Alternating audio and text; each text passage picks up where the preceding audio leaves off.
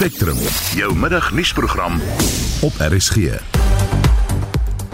In die program I got into politics because I want everyone in this country to have those same opportunities.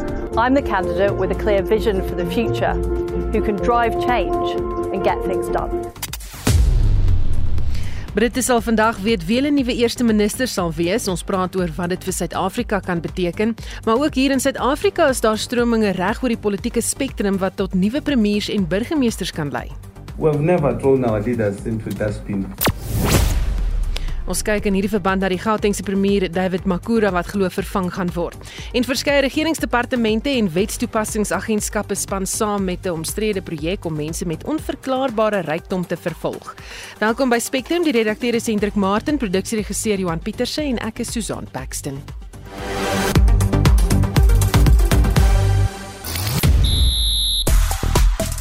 Goeiemiddag. Casper Reed word die eerste Noordwegse man wat die Amerikaanse Ope Tennis se kwartfinale haal.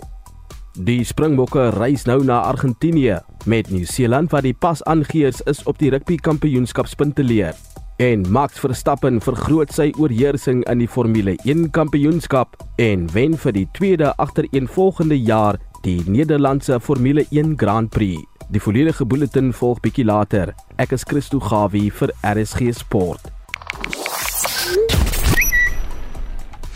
Plaaslik op sosiale media word die hitsmerk Senzo Mjiwa trial gedeel en dit is na aanleiding van die moordverhoor van die Bafana Bafana kaptein Senzo Mjiwa wat vanoggend in die Hooggeregshof in Pretoria hervat het.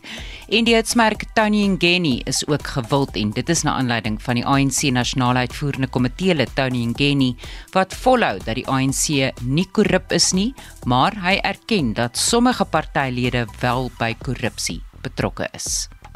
Dis wat op sosiale media platforms bespreek word. Gister was wêreld leukemie dag en uh, ons praat daaroor vandag. Ken jy iemand of ly jy self aan bloedkanker? Watter impak het dit op 'n leier se lewe en hoe behandel en bestuur jy of jy of jou geliefde of jy kennis hierdie siekte? Jy kan vir ons 'n WhatsApp stemnota na 0765366961 stuur of praat saam op die Monitor Spectrum Facebook bladsy of stuur 'n SMS na 45889 teen R1.50 per boodskap. So bykans 8 minute oor 12 jy luister na Spectrum. Skuld aan munisipaliteite het die afgelope boekjaar 255 miljard rand beloop. Die skuld is afkomstig van huishoudings en ander kliënte wat die regering insluit wat nie munisipaliteite betaal nie. Die inligting is bekend gemaak deur die regering se verslagstelsel ingevolge artikel 71 van die Wet op plaaslike regering munisipale finansiële bestuur. Die verslag toon ook dat munisipaliteite 90 miljard rand skuld aan sy krediteure en dit alles dui daarop dat munisipaliteite se likwiditeit in gedrang is weens die swak invorderingskoers. Ons praat nou met Dr. Rolof Botha, ekonomiese raadgewer van die Optimum Beleggingsgroep. Goeiemiddag Rolof. Goeiemiddag julle. Stel net vir ons die bedrag wat geskuld word aan munisipaliteite in perspektief. Ja, dit is uh, amper dubbel uh, ons totale jaarlikse landbouproduksie. En uh, dit dit is net ongelooflik. Dit is 'n ongelooflike bedrag en dit is meer as 2 keer ehm um, wat hulle dis amper amper drie keer wat hulle uh, uh, spandeer per kwartaal. Hulle toe die totale munisipale uitgawes van van al die munisipaliteite in Suid-Afrika, die al 257 van hulle uh spandeer so in so so 9 tussen 8 en 9 maande om daai hoeveelheid geld te spandeer. Dit is nou op alles, op hulle salarisse en lone of hulle nou waarde toevoeg of nie en natuurlik op die uh die peer om die paai reg te maak wat hulle ongelukkig uh in voorraad blykbaar net hou baie van hulle. Hmm. Waar dui die swak invorderingskoers van munisipaliteite vir jou? Daar is uit die afsake uit weens die hoër inflasie en die hoë rentekoerse is daar uh iets wat nou in die prentjie ingekom het en dit is wat hier en daar is al uh, kom bekostigbaarheid natuurlik ingedrang. Maar dit is swak bestuurstelsels die die onvermoë om vir mense wat nie hulle rekenings betaal uh om om daardie uh toegang tot elektrisiteit en water dan uh tydelik te stop nie. Uh en dan vind mens in baie van hierdie munisipaliteite natuurlik onwettige verbindings uh veral met elektrisiteit. Die kern van hierdie probleem kan 'n mens terug kan mens terug van so 13 jaar gelede toe meneer Zuma president van Suid-Afrika geword het. Van daai oomblik aan vir 'n dekade lank is daar onbevoegde mense, nie almal nie, maar baie van hulle in die spruitheid aangestel onder die dekmantel van kaderontplooiing. Hierdie hierdie woorde woord kaderontplooiing. Ons ons gaan nog vir 'n paar jaar lank die prys daarvoor betaal, maar ten minste het ons nou 'n president wat dit insien en besef en stadig maar seker is daar so vordering om munisipaliteite meer funksioneel te maak. Hm. Baie van die skuld is huishoudings wat nie betaal nie. Dui dit op ekonomiese druk? Eh, ek dink net in 'n minder mate uh, Susan. Ehm um, en en weer eens dit dit gaan nie net oor swak bestuurstelsels nie, dit gaan ook oor, oor swak beleid. Want die betaalstelsel, die betaalkaartstelsel ehm um, werk uit die af van die saak uit uh, uh, fantasties. Ehm um, wanneer 'n mens in, in die oorstrand rondry en en jy hierdie plekkie daarso dan gaan koop jy vir jou 'n bietjie krag en jy sit dit in en jy nie as jy dit nie daai kaart insit nie of daai nommer inpos nie dan het jy nie krag nie. En hierdie stelsels as ons dit uh, ons kan van hierdie stelsels in Suid-Afrika ontwikkel uh, afsien van die feit dat die installering daarvan is ook plaaslike toegevoegde waarde. So ons kan ons ekonomie 'n klein opstootjie gee en ons kan baie van hierdie probleme met bandbetaling kan ons uitskakel. Maar dan ook natuurlik die doeltreffendheid van van ons ehm um, van ons polisie om om eh uh, dat dat wat ons uh, uh, volgens my dringend nodig het is 'n spesialis eenheid om seker te maak dat hierdie onwettige elektrisiteitsverbindings moet ophou want dit is deel dit is 'n groot deel van die probleem. Dan munisipaliteite het ook onderspandeer volgens die verslag wat beteken dat byvoorbeeld instandhouding nie behoorlik plaasgevind het nie. As sake so voortduur waarop stuur dit af? Nou die gebrek aan instandhouding is is is weer weer 'n probleem wat verband hou met ondervoegtheid. Want die daar is uit die aardensake 'n reuse vraag na instandhouding van infrastruktuur op munisipale vlak. Maar uh, tussen bedrog en korrupsie en diefstal kry hulle dit eenvoudig net nie reg om die behoorlike tenderprosedures te volg om enigstens 'n tenderprosedure te volg om die paaie te herstel en van die ander dringende infrastruktuurprobleme. Uh en en hierdie probleem kom nou al baie lank in uh, saam met ons en hy het vererger tot redelik onlangs ek ou daarvan om te glo dat ons miskien uh oor die ons rug is. Dan dan daar is nou tekens van ehm uh, uh, erns dat die regering nou uiteindelik erns het daarmee om om meer bevoegde mense by die munisipaliteite aan te stel. Baie dankie. Dit was Dr. Rolof Botha, ekonomiese raadgewer van die Optimum Beleggingsgroep. Die DA sê hy is geskok oor die moontlikheid dat die brand by die Charlotte Maxeke Hospitaal te midde van 'n pandemie opsetlik gestig is. Die Daily Maverick het berig dat volgens 'n uitgelekte verslag in sy besit is die brand opsetlik in een van die stoorkamers gestig. Die Gautengse DA skadu minister van gesondheid Jack Bloem sê sulke optredes is ondenkbaar. I'm absolutely horrified by this, also by the fact that it's a leaked report and we never get these reports. We promise them endlessly in the Gauteng legislature. One always suspects a cover-up in this sort of thing, that this is embarrassing, and that's why we never get these reports. We still don't get the fire report for the Bank of Lisbon building. But uh, I think that if there was arson, we need to get to the bottom of this. They're obviously trying to cover up corruption. It appears that it was a storeroom and there was evidence of, of wrongdoing there. We need to see action, and we we need to have these reports completed speedily and made public, but this never seems to happen in the Gauteng Health Department. En dit was die Gautengse Diaskari minister van gesondheid Jack Bloem. Verskeie regeringsdepartemente en wetstoepassingsagentskappe het saamgespan met 'n projek om mense met onverklaarbare rykdom te vervolg. Die logika daaragter is waar daar geen verklaring vir bates en geld gegee kan word nie, dit noodwendig deur korrupsie, bedrog, geldwasery of belastingontwyking bekom is. Volgens die Afrikaanse Inkomste Diens kan dit binne bestaande batebeslagleggingswetgewing gedoen word, maar dit is iets wat in die toekoms in die hof getoets sal word. By navraag wou die Inkomste Diens egter nie verder uitwy nie behalwe om te sê dat die eerste saak dalk binnekort reeds gaan plaasvind. Ons praat nou met 'n professor in finansiële misdaadreg by die La Trobe Universiteit in Australië, Louis de Koker. Goeiemôre Louis. Goeiemôre Susan. Wat is hierdie sogenaamde onverklaarbare rykdom? Wel, in beginsel is dit daardie rykdom wat 'n persoon het wat nie logischerwys uh gemaklik ver in verband gebring kan word met hulle hulle salaris of hulle ander wettige bronne van inkomste nie. Ehm um, so daar's nie 'n logiese verklaring nie. Dit beteken nie dat die persoon dit nie kan verklaar nie, maar as die staat kyk na die feite tot die staat se beskikking is daar 'n vraagteken en hulle wil graag daardie vraag stel aan die persoon wat skynbaar daardie bates besit. Hm. So hoe beoog hierdie agentskappe wat die inkomste diens, die NVG, die finansiële hm. inligtingseentrum en die anti-korrupsie taakspan insluit om teen verdagtes dan op te tree? Wel ek dink die die die beginpunt uh het het het jy bietjie vroeër genoem en dit is hulle wil dit graag inpas in die konteks van die huidige wetgewing ten aansien van batebeslaglegging. En dalk net vir 'n bietjie agtergrond. Suid-Afrika het nou al vir 30 jaar sulke wetgewing in plek. En die wet waarna hulle verwys is 'n 1998 wet rondom georganiseerde misdaad wat die wat die hele breë konteks daarstel vir 'n uh, beslaglegging na 'n uh, uh, skuldige bevinding, maar ook vir siviele beslaglegging uh sonder 'n skuldige bevinding. So ons het hierdie wetgewing en hierdie magte nou al vir 'n paar dekades op die wetboek. En hierdie magte is toegepas in 'n onlangse verslag ehm um, het het uh, is, is is daar uitgewys dat daar omtrent hier by die 6000 rondom 5600 uh sulke beslagleggings al gebring is in die afgelope bietjie meer as 20 jaar. Ehm um, die probleem egter is dat die aantal uh die waarde wat wat wat verkry is daaruit nie besonder indrukwekkend is nie. En en dit is waar ehm um, waar waar verbetering kan plaasvind. Dit net so oor die 8 miljard uh waarop al beslag gelê gelê is wat wat 'n groot som geld is, maar eintlik 'n klein som geld as ons dink met hoeveel kriminele wel wegkom. En ehm um, dit is waar hierdie inisiatief inpas.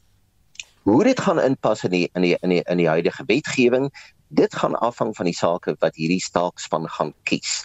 Wat ek besonder positief vind, is die feit dat die inkomste diens aan boord is. Want hulle het 'n baie belangrike deeltjie van van van van die prentjie. Iemand wat uh wat wat wat uh, geld verdien het uit misdaad en 'n bate daarmee gekoop het, hulle moet ook sorg dat hulle belastingsaake en hulle belastingverklaringe in orde is. En as die inkomste diens deel is van die prentjie, kan die inkomste diens op tafel plaas wat hulle al deur die jare verklaar het of nie. En in baie van die gevalle gaan daar waarskynlik nie 'n verklaring wees nie. En dan skep dit 'n paar moontlikhede vir die staat. Een is om die batebeslagleggings uh magte te gebruik. Die ander is bloot om die inkomste diens los te laat uh op die persoon. En dit dit dit gaan ongeveer dieselfde effek hê. Dit kan wees dat die inkomste diens uh meer effektief gaan wees en op die ou meer van daardie bates kan stroop as uh as wat die howe sal kan. Maar dit in in in den brede die konteks en die prentjie. Ja.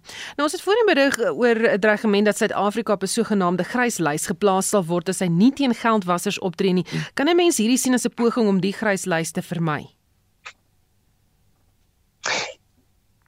Uh dit kan ehm um, een die Suid-Afrika se probleem ten aansien van die grys lys is ons het geweldig baie goeie bepalinge op papier.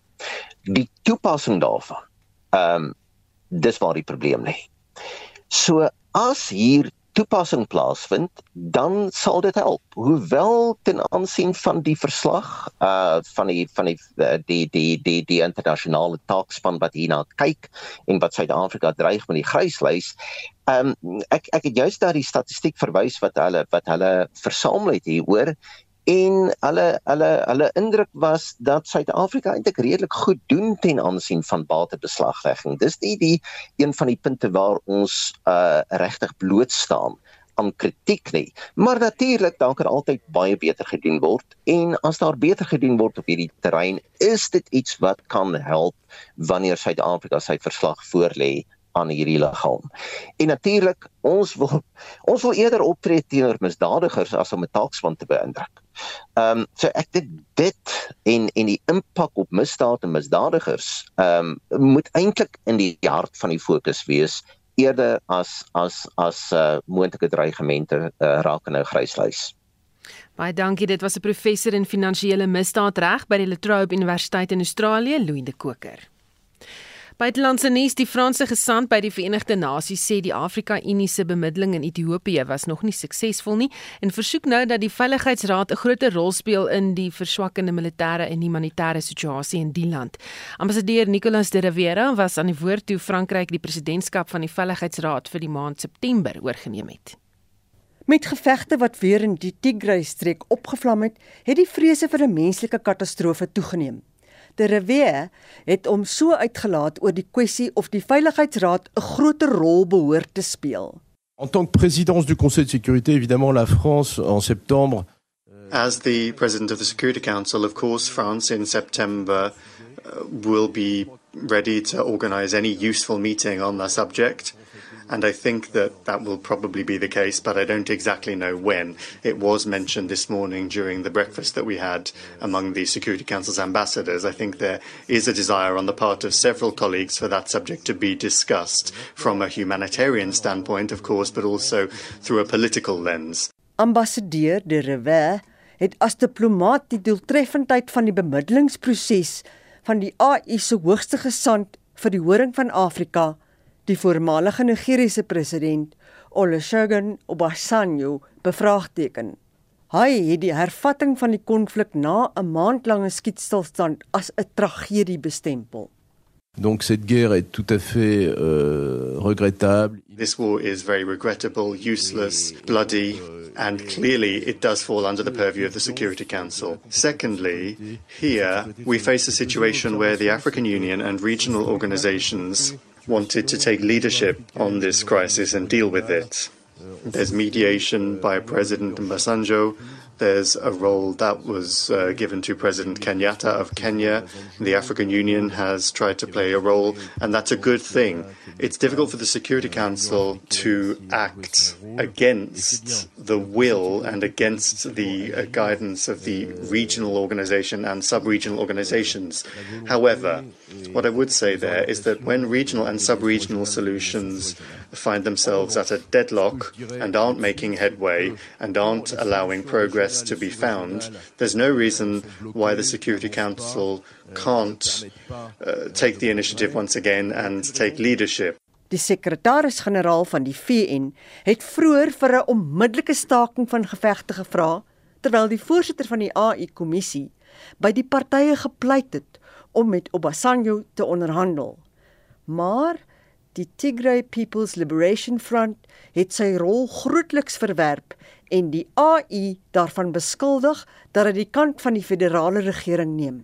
Euh, les euh, efforts du président Obasanjo. The efforts of President Obasanjo have not borne fruit for the time being, and so African efforts, unfortunately, for the time being, have not helped achieve progress. So I'm not saying the Security Council will do any better, but it has the duty to try. Die VN waarsku dat die droogte, saam met die hongersnood en konflik, 'n humanitêre krisis in Ethiopië kan veroorsaak. Sherwin Bryce Peace het hierdie verslag in New York saamgestel. Mitsi van der Merwe, SAK nuus. Ons bly by internasionale nuus en ons beweeg na die Verenigde Koninkryk. Liz Truss of Rishi Sunak sal binnekort as die nuwe leiers van die konservatiewe party in Brittanje aangekondig word. Die wenner word môre Brittanje se nuwe eerste minister en sal saam met Boris Johnson na koningin Elizabeth in Balmoral in Skotland reis of eerder Skotland reis om dit amptelik te verklaar. In die stadium is Truss die voorloper. Ons praat nou hieroor met professor Theo Venter aan die Universiteit van Johannesburg se College vir Besigheid en Ekonomie. Goeiemôre Theo. Goeiemôre. Die uitslae gaan omstreeks 0.30 Suid-Afrikaanse tyd bekend gemaak word, maar meningspeilings dui daarop dat Tras ver voorloop. Ja, dit is 'n interessante ehm um, wedloop hierdie. Ons weet nou dat ehm um, die konservatiewe party ehm um, werk op 'n basis dat hulle kandidaate uitknikker tot daar uiteindelik twee oorbly en dan stem lede van die konservatiewe party vir die vir die kandidaat van hulle keuse. Nou toe die ehm um, 11 fees moes gestem het in die parlement was ehm um, Rishi Sunak die voorloper. Hulle het meer van hom gehou, maar alles dui daarop dat toe die stemmery nou draai na die gewone lid van die konservatiewe party het Liz Truss uh, by verre die voorloper geword. So ek dink mense is veilig om te sê dat omtrent 'n uur van nou af gaan Brittanje hulle derde vroulike premier hierdie eeu, wel, uh, in die laaste 100 jaar kry. Wat is van die belangrikste kwessies wat die nuwe leier en eerste minister eerste sal moet aanspreek?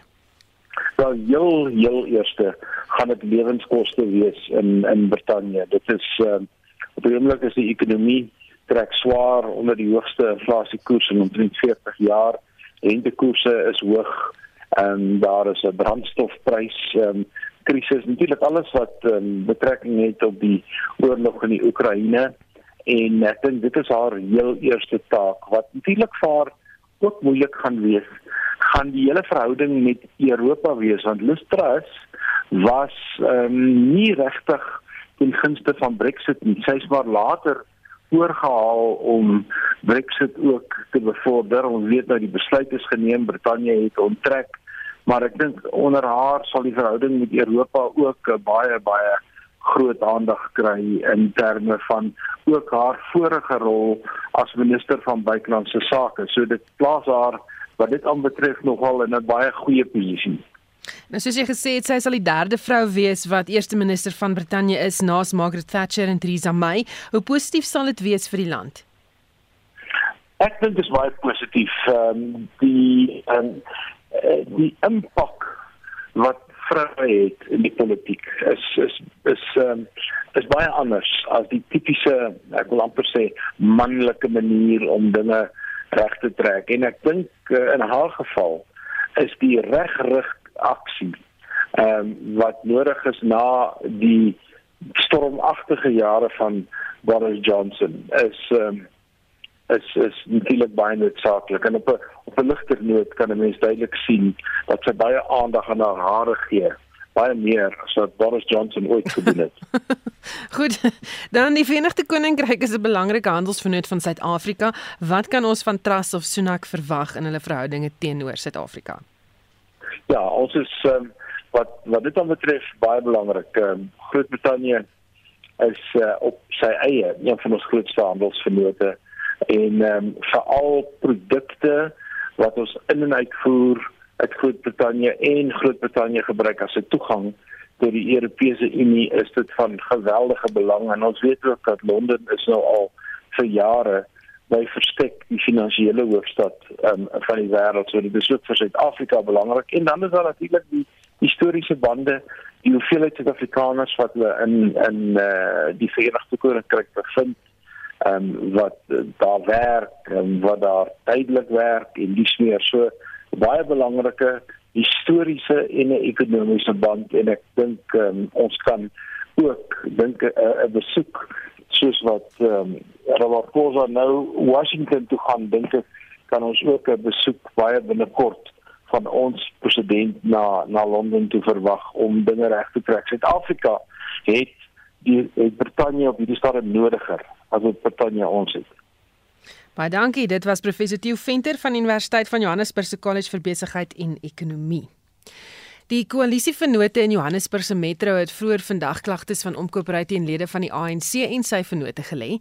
Die multiparty koalisie het ondersoek ingestel na die gebeure waar die DA raadslid Wasco Tugama met 'n mosie van wantroue uit sy amp verwyder is. Tugama is daarvan beskuldig dat hy bevooroordeeld was teenoor oppositiepartye in die raad wat nie deel van die koalisie was nie.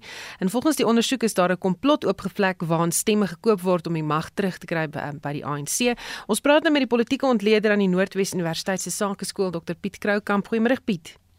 Goeiemôre Susan. Klomp interessante dinge wat weer vanoggend ook gebeur het hierdie uh, kleinere lede van die uh, of partye eerder van die koalisie wat gesê het maar die ANC is bullies en ons stem nie heeltemal saam met alles wat hulle doen nie. Ja, ek dink die interessante ding was uh, jy het seker gesien dat Action Suid-Afrika het vanmôre een van hulle lede gerepedeer met waarheid te sê ek dink hulle gaan hom omtrent fire oor dat hy nie opgedaag het vir 'n bepaalde vergadering nie wat uiteindelik daartoe gelei het dat daar uh, hierdie wysiging was in die in die speaker. Uh, maar dat dit nou maar lewensles wees. Gisteraand het in jou gesprek met uh, my kollega professor Dirk Kotse het mense eintlik die, die agter die kap van die byl goed gekom en dit is in Pretoria word mag tussen die koalisie vennote verdeel. In Johannesburg sit die DA met al die mag.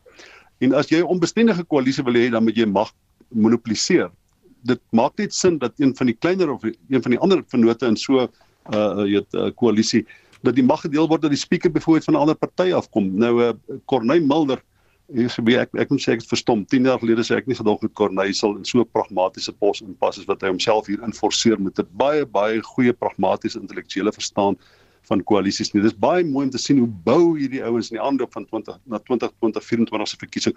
En as dit ware doen hulle ondervinding op hoe om koalisies te vestig en te bestuur. Maar ek dink die groot verskil is wat Dirk gisterand gesê het is dat ehm um, uh Paul Paglat sê sal met begin besef dat om werklike koalisies stand te maak, uh, kan een vernoot nie al die mag monopoliseer nie.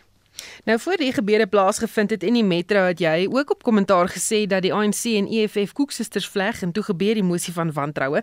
Is jy enigstens verbaas en beteken hierdie noodwendig dat die ANC en EFF wel sal saamwerk?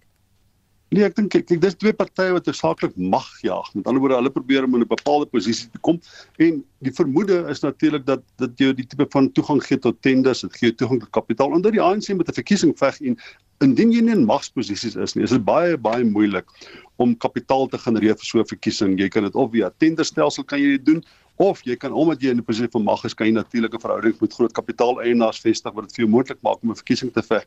Sonder mag gaan die ANC 'n dooie aanloop en dan die verkiesing in 2024 en die EFF natuurlik stel uiteindelik net belang om werklik in 'n situasie te kom waar hulle sê net maar jy kan uh, aan hulle veral hulle elites, hulle politieke elites, hulle leierskap bepaalde gesagsposisies gee. As jy 10% party is, wanneer as jy en jy het jy nooit werklik die mag wat dit vir jou moontlik maak om tot by 20% te kom nie. Dis hoekom die DA sê net maar tot by 20% kan kom met hulle beklee magsposisies in 'n klomp stadsrade en in die Wes-Kaap. Sonder magsposisies sal die EFF altyd die agterspeen suig. Nou, ons weet in terme van persoonlike verhoudings is Herman Mashaba en Julius Malema loop baie naby aan mekaar. Maar jy sal ook sien hierdie koalisiegesprekke feature Herman Mashaba se naam nie baie baie sterk nie.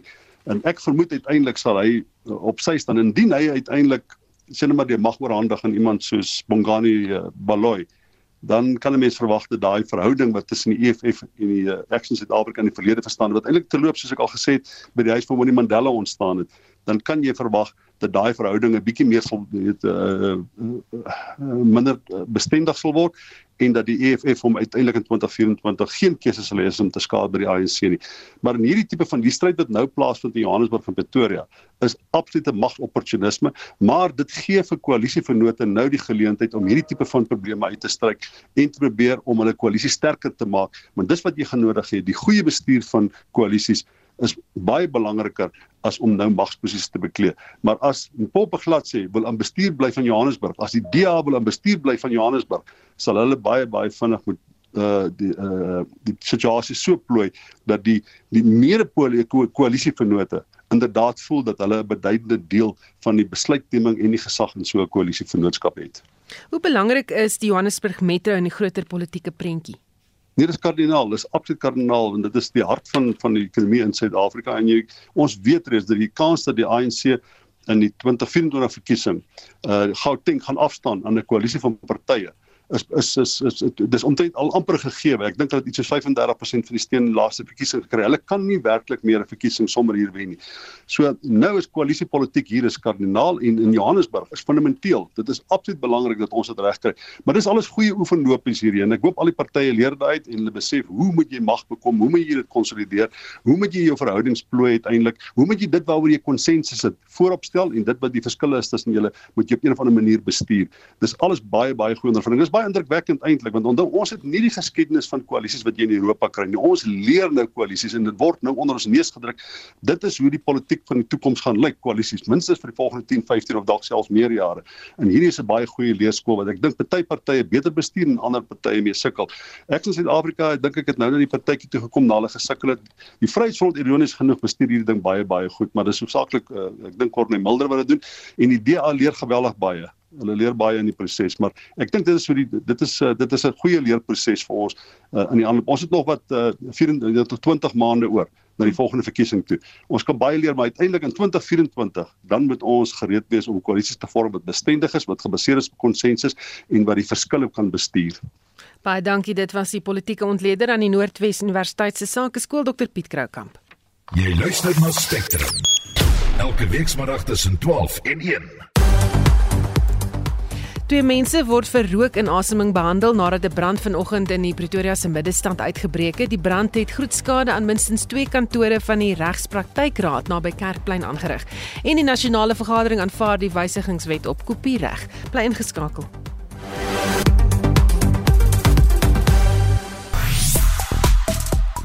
Goed, ons gesels oor kanker en ek sien 'n luisteraar wat sê 3 jaar gelede is ek gediagnoseer met polycythemia vera wat 'n skaars tipe bloedkanker is. Selfs onder mense in die mediese wêreld is dit onbekend. Ek besoek elke 3 maande 'n hematoloog en drink elke aand 'n uh, pille of chemopille. Die pille en siekte veroorsaak moegheid. Ek leef rondom dit en rus indien nodig. Ek het egter van die begin af besluit dat ek myself uh, nie gaan jammer kry nie en leef so aktief en normaal as moontlik. Dankie dat jy die storie gedeel het, Linda.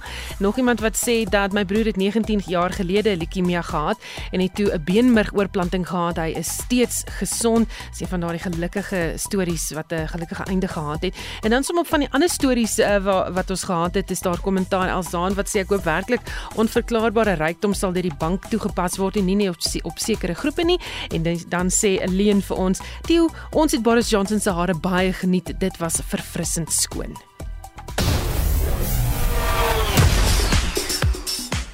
Christo Gawe die jongste sportnuus. Goeiemiddag, ons begin met tennis.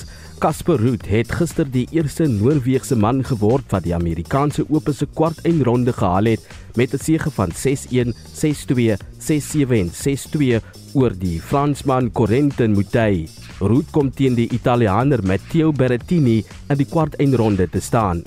Nick Kyrgios het ook vanoggend vroeg Suid-Afrikaanse tyd 'n einde aan Daniil Medvedev se aanslag in die Ope gemaak. Die Australiër het die kwartfinale gehaal toe hy die Rus met 7-6, 3-6, 6-3 en 6-2 kaf gedraf het.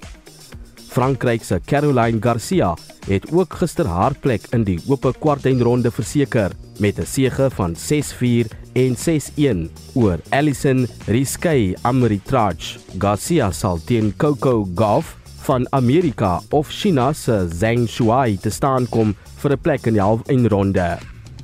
Die Springbok Lucanio Am sal waarskynlik die November toer misloop en sal waarskynlik nie weer van jaar rugby speel nie. Boonop kan Handrey Pollard se kniebesering hom vir minstens 6 weke uithou terwyl Bongi Mbonambi byna gereed is om terug te keer ook van 'n kniebesering. Kainan Moody se pype debuut die afgelope naweek met 'n pragt 3 wat die Bokke gehelp het met 'n sege van 24-12 oor Australië, gee die Bokke meer opsies in die agterlyn.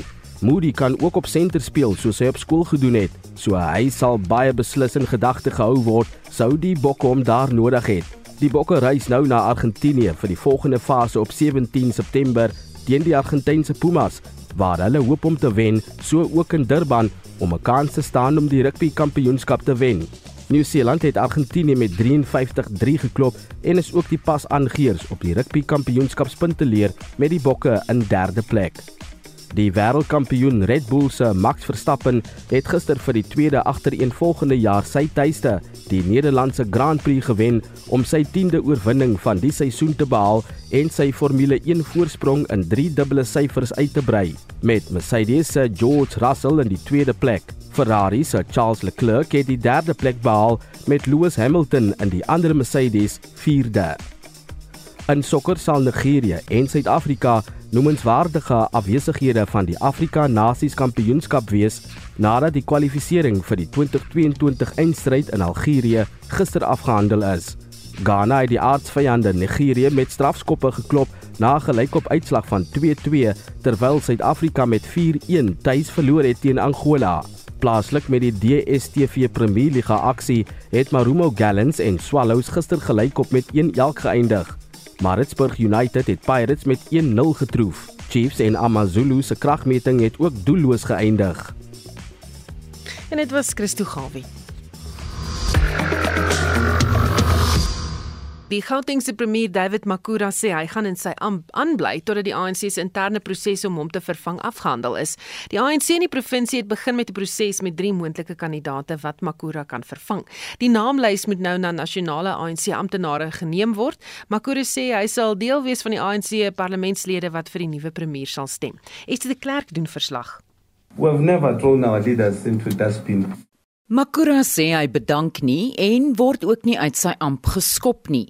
Die provinsiale ANC-voorsitter, Panyasa Lesufi, sê die nuwe provinsiale uitvoerende komitee is nie haastig om die leiersels oor te neem nie. No, I haven't threatened the leadership with a resignation. I haven't written a resignation to put it through to them. They haven't asked for me to resign. As the secretary was saying, they haven't taken a decision to recall me. I want to say to you, I'm not here to render my resignation today, but I'm definitely ready to hand over to the next leadership of the ANC. There's a difference between recall and resignation and a handover, and this handover must be smooth, yeah. and the transition must be smooth. Die provinsiale ANC sekretaris, TK Nkisa, sê Makura, net soos Paul Mashatile en Nomvula Mokonyane, kan altyd op die steun van die ANC staat maak. Gauteng is not like any other province, or rather, it's a province that is complex. Let me put it in that way. You can't be clumsy or reckless when you are dealing with a province like Gauteng. You must take processes, you must take people into confidence. You must make sure that even when you are looking at the leader that must take off, you are applying yourself and your mind and you forget about factions. Die provinsiale uitvoerende komitee sal nou 3 moontlike kandidaate om Makura op te volg aanwys. Die verslag is saamgestel deur Samkele Maseko en ek is Estie de Klerk vir SAK nuus. Ons praat nou verder met die dekaan Geesteswetenskappe by Akademia Professor Pieter Dievenage. Goeiemôre Pieter. Goeiemôre Susan. Skets net weer die agtergrond hier. Kyk die die leierskap uh uh verkiesing nê nee, was so hier in einde Julie gewees en toe het meneer Lesofie net net gewen teen meneer Lebogang Mahele wat uh, uit die Pretoria die Tshwane streek kom. Nou die tradisie is gewoonlik kyk wat nou gebeur is jy het nou twee magte, jy weet twee sentrums van mag. Jy het die ou premier Makura David Makura en dan jy nou hierdie nuwe leier van die ANC. En die tradisie is eintlik binne die ANC dat hierdie nuwe leier gewoonlik die premier uitskuif, ongeag wat ons nou in die insetsel gehoor het. En uh so ek uh, ek dink die kans is dalk baie goed dat meneer Lesofie sal oorneem by meneer Makura al sê hy nie so in hierdie stadium nie. Dit is dit is hoe ek die saak sien. So die ANC Gauteng leier Panjasa Lesufi het ag het nou aangedui hy het geen haas om die premier van die provinsie te word nie. So wie dryf dit? Ek dink is maar die mense rondom meneer Lesofie want kyk wat uh, uh as jy jou kandidaat die premier is, het jy direkte toegang tot uh kom ons noem dit nou maar hulpbronne. En meneer Makura het nou natuurlik sy mense om hom uh wat nou kom uit sy vorige leierskapsverkiesing wat nou al 'n paar jaar terug is. Nou eweskielik is daar meneer Lesofie uit 'n komplekse klomp om hom want jy weet hy het meneer Mahele net net gewen in die leierskapsverkiesing en hy het 'n klomp van meneer Mahele se mense ook in sy provinsiale uitvoerende komitee. Nou ek dink uh meneer Lesofie wil dalk uh, nie onmiddellik oorneem nie of dalk wil hy, maar hy gaan definitief gedruk word deur 'n klomp uh, mense om hom wat nader aan die mag wil wees. Mens moet onthou onthou, ehm um, as jy nou inkom in mag in in in Gauteng, dan het jy daarom so 18 maande, jy weet tot die verkiesing in 2024 om baie naby aan die vleispotte te sit, as ek dit so kan stel. Wat van eh, Paul Mashatile, wat is sy rol? Wel dis baie baie moeilik om te sê. Kyk, uh, Paul Masatile is, is een van die 6 uh, eh, op die nasionale uitvoerende komitee. Dis 'n baie magtige posisie en is ook die tesourier daar. Ehm um, nou uh, hy het baie goeie bande hier in Gauteng want hy is 'n voormalige premier en 'n uh, leiersfiguur in Gauteng en dit lyk of meneer Lesofie en sy vriende nie te ver van meneer Masatile staan nie. En ek dink wat nou hier gebeur is meneer Masatile is eintlik besig om vir hom 'n 'n nuwe ondersteuning te kry uit 'n jonger groep mense uit Gauteng met die oog op sy eie uh, toekoms binne die ANC hoor op, jy weet binne die nasionale uitvoerende komitee. Daar's mense wat natuurlik sê hy het ook president aspirasies. Maar in hierdie stadium is hy meneer Mashatile en al hierdie mense oor wie ons nou praat, weet meneer Lesofie en al sy luitenante om hom is uh opportunisties aan die kant van president Ramaphosa. So wat wat word dan sê ek opportunisties? Mm -hmm. Hulle steun hom nie werklik nie. Ja, hulle steun hom nie werklik nie, maar hulle dink ook aan hulle self en hulle is maar eintlik opportunisties. So wat word dan nou van David Makura? Wel, ek dink uh, al hoop wat hy nou het is dat hy uh hopelik hoër opgetrek kan word in die ANC. Kyk, ek kan hom nie meer sien 'n rol speel in die provinsiale regering van Gauteng nie. So hy moet nou sy hoop stel op die NK of in 'n ministersposisie of 'n adjunkt ministersposisie nasionaal. Jy weet, en ek dink hy het heelwat vriende hoër op. So uh, hy gaan nou aspireer om hoër opgetrek te word in die uh, reeds bekende jy weet refrein van kaderontplooiing. Sê vir my, is Lesofie die antwoord op die ANC en Gauteng se probleme? Nee, ek dink nie so nie want kyk die ANC in Gauteng is in 'n uh, in 'n uh, bietjie van 'n probleem uh, in in die sin dat kyk al die meningspeilings wys daarop dat die ANC nasionaal dalk nog hier rondom 50% kan kry in 2024. Ek persoonlik dink hulle gaan nasionaal minder as 50 kry, maar dit daar gelaat. Gauteng egter al die meningspeilings wys dat die ANC hier veel swakker as nasionaal gaan doen. Dit gaan beteken of meneer Lesofie nou die leier is van die ANC ANC of nie. Hy kan nie daarop reken dat hy sommer net die premier van Gauteng na 2024 gaan word nie. In hierdie stadium kan hy, jy weet, want die ANC is nog in die kussings tot 2024, maar hy hy kan nie daarop reken dat hy na 2024 nog premier bly nie, jy weet. Baie dankie. Dit was die dekaan van die departement Geesteswetenskappe aan Akademia, professor uh, of eerder net Geesteswetenskappe aan Akademia, professor Pieter Dievenage. Die nasionale vergadering het die wysigingswet op kopiereg goedgekeur. Daar word gehoop dat die wysigings die musiekbedryf sal hervorm en die lewens van kunstenaars sal verbeter. Ons praat nou met die sekretaris-generaal van die Trade Union for Musicians, Dumsa Gabby Leroux. Goeiemiddag Gabby. Goeiemôre Susan. Baie dankie vir die uh, vir die uh, geleentheid om bietjie met jou en jou luisteraars uh, uit te haal. Ja, laas ons gepraat het, was julle ontevrede met leemtes in die wet. Hoe voel julle oor die finale weergawe? Ons het nog twee hartplekke. Die eerste een gaan natuurlik uh, grootendeels oor die beginsel van billike gebruik wat nou uh, wat nou ingebring is. Dit, uh, dit is die die fair use principle wat in Amerika uh, se wetsontwerp vervat is heidaglik ons wetsontwerp ehm um, maak voorsiening vir billike hantering uh fair dealing nou uh, ek weet julle een hier dat julle nie so ons kan heeldag hieroor praat maar Ons is bekommerd oor die twee woordjies wat die riglyn is en dit is die woordjie such as as mense in Afrikaans sê soos byvoorbeeld. So jy kan nou sê soos byvoorbeeld 'n hoender of soos byvoorbeeld maar dan kan 'n ander ou kom en hy vat 'n volstrys en hy sê maar hierdie is ook fair use want hy's amper soos 'n hoender. Jy weet wat ek bedoel. So is nou 'n baie baie praktiese manier om dit om dit om dit uh, te beskryf, maar dit is vir ons 'n hartplek. Die ander kant gaan oor ons het met die portfolio kom kom komitee het ons toe ons as toe ons met hulle ontmoet het het ons aangedring op 'n plekhouer vir ehm um, vir die klausules wat voorsiening sou maak vir latere regulasies uh, in verband met plaaslike inhoud. En dit is vir ons 'n geleentheid hier gewees om om die beginsel van die die die kreatiewe ekonomie of die of die creative economy 'n uh, stukkie te gee waar ons op die, op hierdie stadium op by ons uitsaai wese en op televisie en in publieke plekke uh, maar ongeveer hier teen 30 35% uh op kan staat maak vir plaaslike inhoud. En dit natuurlik ekonomies is dit uh, baie baie uh streamende um dit status quo. So uh ons het probeer om vir hulle te vra om ons 'n plekhouer te gee waar mense dan later kan sê oor 'n uh, tydperk van byvoorbeeld 5 jaar kan ons by die verbruiker in die verbruiker se hart inkom geleidelik. Ons praat nie van 'n 90-10 soos glad jy moet so ding vir ons probeer doen dit nie. Ons wil geleidelik dat Suid-Afrikaanse verbruikers meer en meer sou aandring op plaaslike inhoud en dit sal dan ook vir ons uh, bedryf 'n baie groot ekonomiese hupstootjie gee ja. en dan ook voorsiening maak dat ons ons musiek oor see kan vat.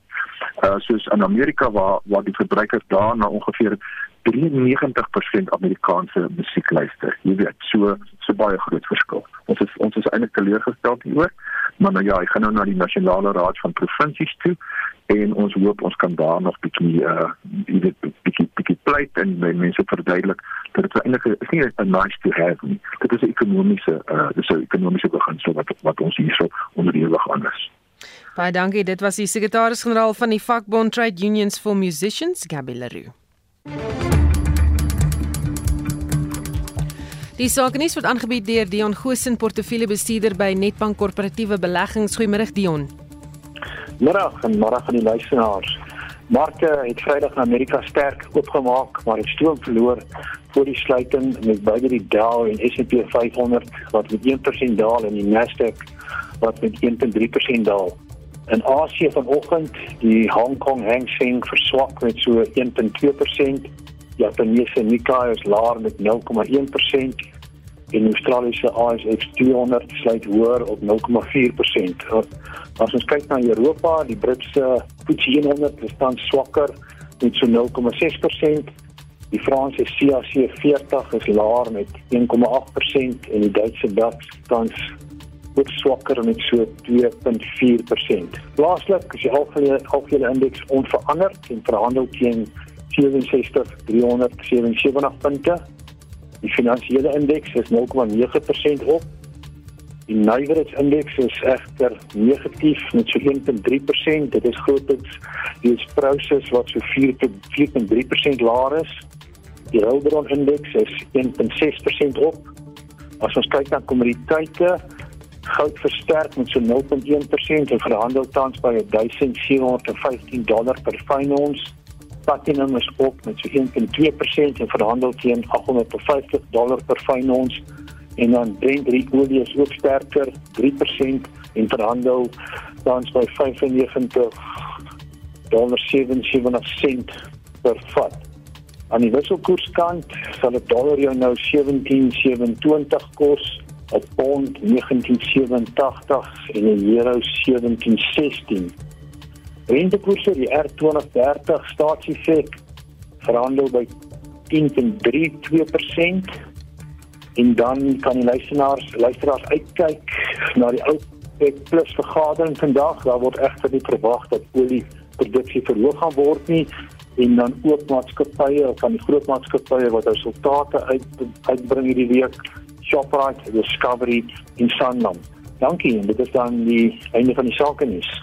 Dit was Dion Gosen met Netbank of by Netbank Korporatiewe Beleggings.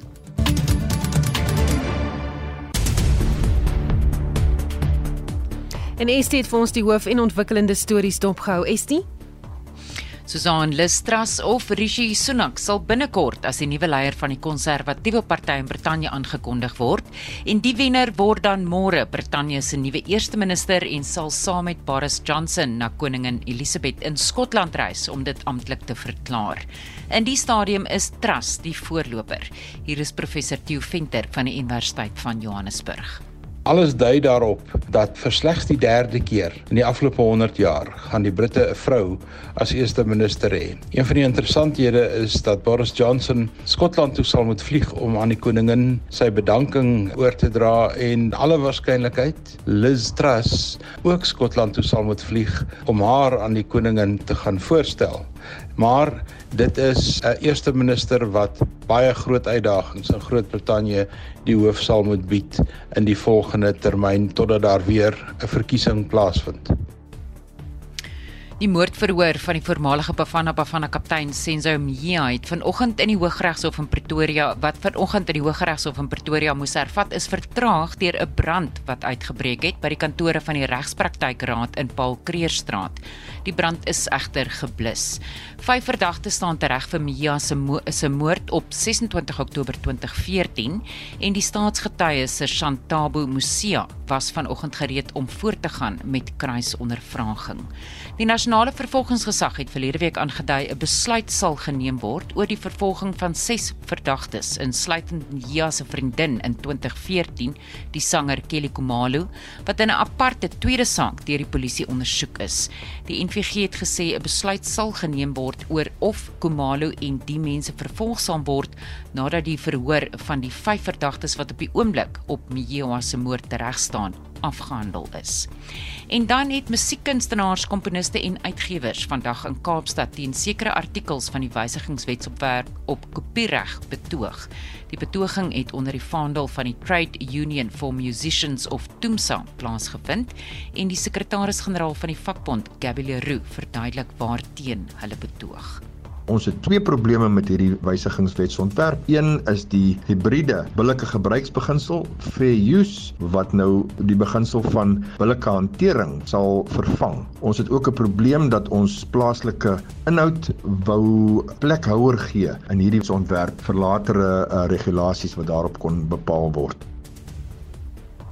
En dan in Brandpunt vanmiddag om kwart voor 6 bring ons vir jou die uitslag van wie die nuwe leier van die Konservatiewe Party en die nuwe eerste minister van Brittanje is. En dit was Estie met 'n opsomming van die nuus en ontwikkelende stories.